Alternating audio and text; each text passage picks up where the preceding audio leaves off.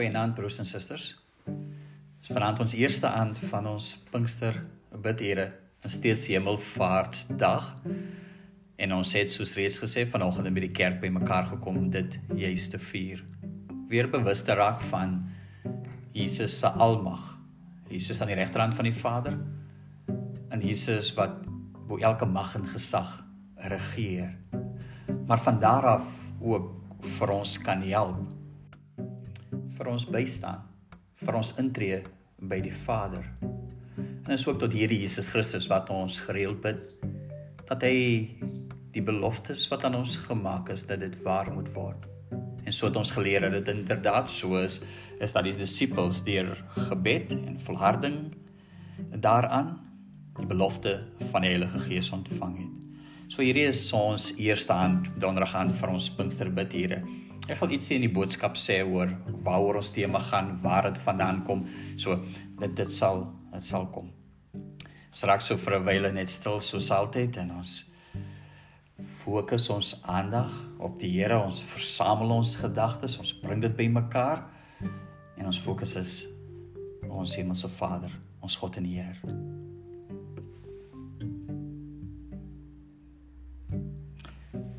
Baie dankie Vader hier in hierdie oomblik, Here, is U saam met ons. En op 'n wonderlike manier, Here, ervaar ons U. Hierdie wete, Here, dat U saam met ons is en dat ons nie alleen is nie. Hierdie besef, Vader, dat U hier is in ons harte en ons lewens. Dankie dat U Immanuel is. Lei ons deur die woord, Here, in hierdie Pinkster. En ons maak staat daarop, Here, dat U deur die woord en gees vir ons vaarlik sal lei in Jesus naam. Amen. Vriende, ons teksgedeelte vir vanaand kom uit die boek Matteus en ek wil eintlik net twee verse lees. Matteus 6 vers 9. Hierdie vers kom vanuit die Onse Vader gebed uit. Met ander woorde, dit wat Jesus Christus sy disippels en daarom ook vir ons geleer het vers 9 sê, so moet julle bid. Ons Vader wat in die hemel is, laat U naam geheilig word. Dis ons eerste vers en eerste teksgedeelte.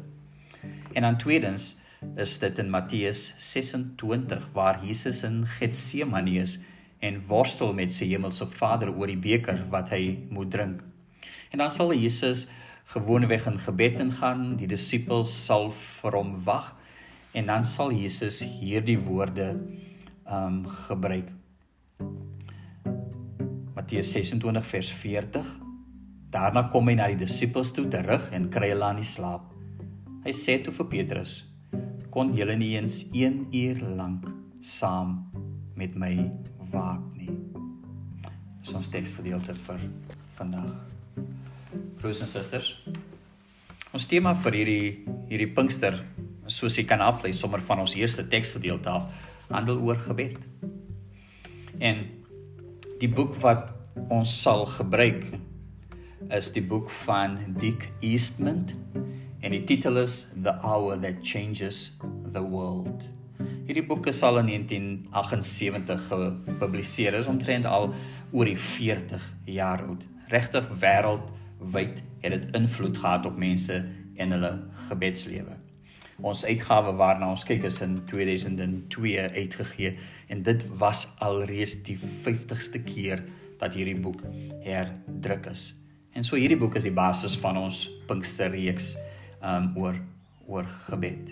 Dit is nie 'n baie dik boek nie, eintlik maar net 160 uh, bladsye. Maar ek het die boek raak geloop um op die webtuiste van Chris van Wyk Chris van Wyk het hierdie reeks in 2021 verlede jaar het hy daarvan 'n Pinkster reeks gemaak. So so op sy webwerf uh, bibleschool.com het ek toe die boek en daarom ook die reeks raakgeloop. Het er aard vir Chris van Wyk geskakel. Hy het natuurlik geen probleem daarmee dat ons ook hierdie reeks kan gebruik vir ons in ons gemeente nie. As jy tyd het, sy webtuiste bibleschool.com is vol van inligting bevat kommentaar oor elke boek van die Bybel en daar's nog soveel meer. Chris van Wyk byvoorbeeld is 'n NG Kerk leraar van die gemeente Somerstrand in PE en hy's ook al daar vanaf 1986. So deur die boek van Dick Eastman en soort van Chris van Wyk se se kyk daarna en ontwikkeling daarna in 'n Pinksterreeks gebruik ons dit ook nou vandag. Die boek wil regtig waar vir ons help. Vir ons eintlik praktiese hulp gee oor gebed. Dis wat dit wil doen. The hour that changes the world. En daarom vir vir Eastman uh Dick Eastman is, is gebed 'n verpligting. Dis nie opsioneel nie. Vir 'n Christen kan nie sê ehm um, dat hulle nie hoef te bid nie. En en hoekom sal ons bid? En sal Eastman ons daarmee help en sê maar dis omdat Jesus Christus van dit dit van ons verwag. Jesus wil hê ons moet bid. En dat gebed werk regtig. En om daardie twee eenvoudige redes is dit iets wat gelowiges moet doen. Hy sê in sy boek byvoorbeeld en ek het volgende ook aangehaal where there is an absence of prayer there will be an absence of power. Where there's frequency of prayer, there will be a continuing display of God's power. As ons sluiting van God se mag vind ons deur deur gebed is wat gebeur. En as ons bid dan het ons hierdie mooi uh gemeenskap met met God in sy teenwoordigheid, praat met die Here. Spreek van vertroue gebed. Dit spreek van afhanklikheid want as ek voor die Here verskyn kan ek alles wat in my lewe is vir hom gee en vertrou dat die Here my daarmee sal help. Eastman sê ook to spend little time with Jesus is to accomplish little in Jesus. En ek dink wat ons vandag weer moet hoor is dat wat ons doen en die tyd wat ons spandeer in gebed het 'n direkte invloed op uh ons verhouding met die Here en wat vir ons moontlik is in geloof. Hy sê wat ons doen vir die Here hang af van wie ons is in die Here. En wie ons is in die Here hang weer af van wat ons ontvang van die Here. En dit sê hang weer af van die tyd wat ons spandeer saam met die Here. En daarom bly gebed en dit is nie vir ons vreemd vandag om dit te hoor nie, bly vir ons baie baie belangrik.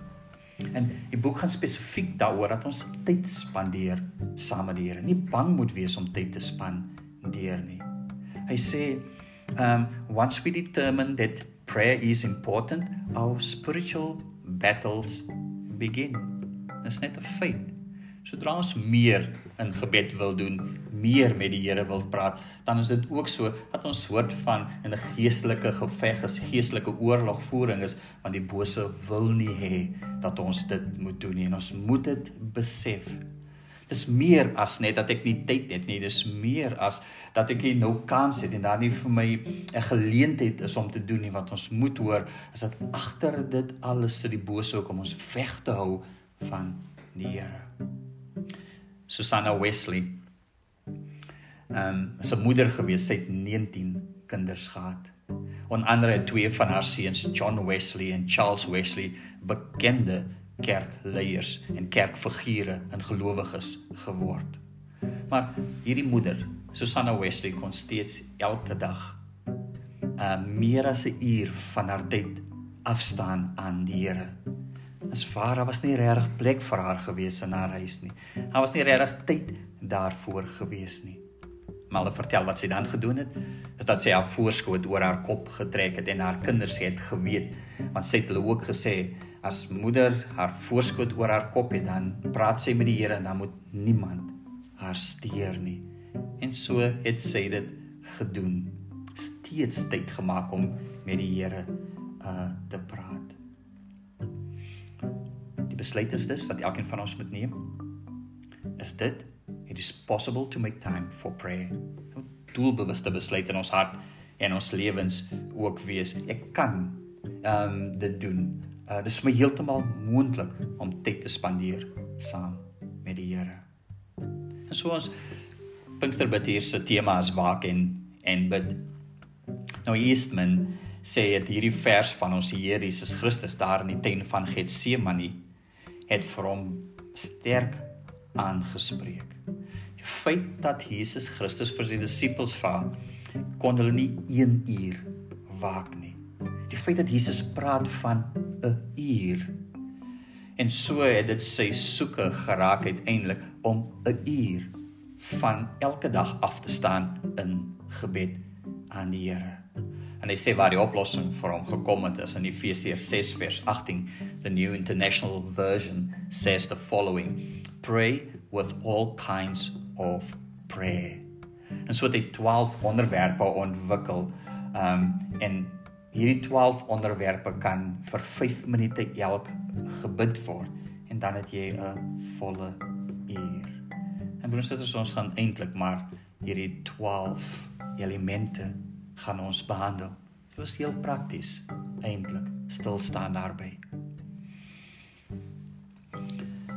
So met ander woorde broers en susters 12 elemente, 5 minute elk en dan jy uur van gebed. Natuurlik wil Eastman nie daardeur sê dat ons dit net slaafs hoef na te volg nie. Dit presies net so te doen nie. Nee, natuurlik kan ons daarvan um um af afwyk. Natuurlik kan ons ons eie program ook ontwikkel, maar ek dink hy probeer vir ons help om werklik 'n uur te mag span deur aan aan gebed. So ons eerste element en dis eintlik maar ons tema ook vir vanaand en dit is aanbidding. Dis die eerste ding wat ons moet doen. Die eerste 5 minute wat ons moet spandeer aan gebed. Ehm um, as jy byvoorbeeld op die webwerf gaan van van Chris van Wyk, uh, bybelskool.com, dan sal jy sien daar's 'n video ook wat hy gemaak het oor van die onderwerpe. So jy kan daar nou ook luister want in hierdie eerste een oor aanbidding praat hy byvoorbeeld oor die plek ehm um, waar jy kan bid en hy praat so klein bietjie daaroor. Dit dalk die moeite werd om daarna te gaan te gaan luister. Jesus leer vir ons in sy gebed. Ons Vader gebed. Fokus op God. Dis die eerste deel van ek en u se gebed. Dis nie onsself nie. Uit en uit is die fokus op die Here. Here laat u naam geheilig word.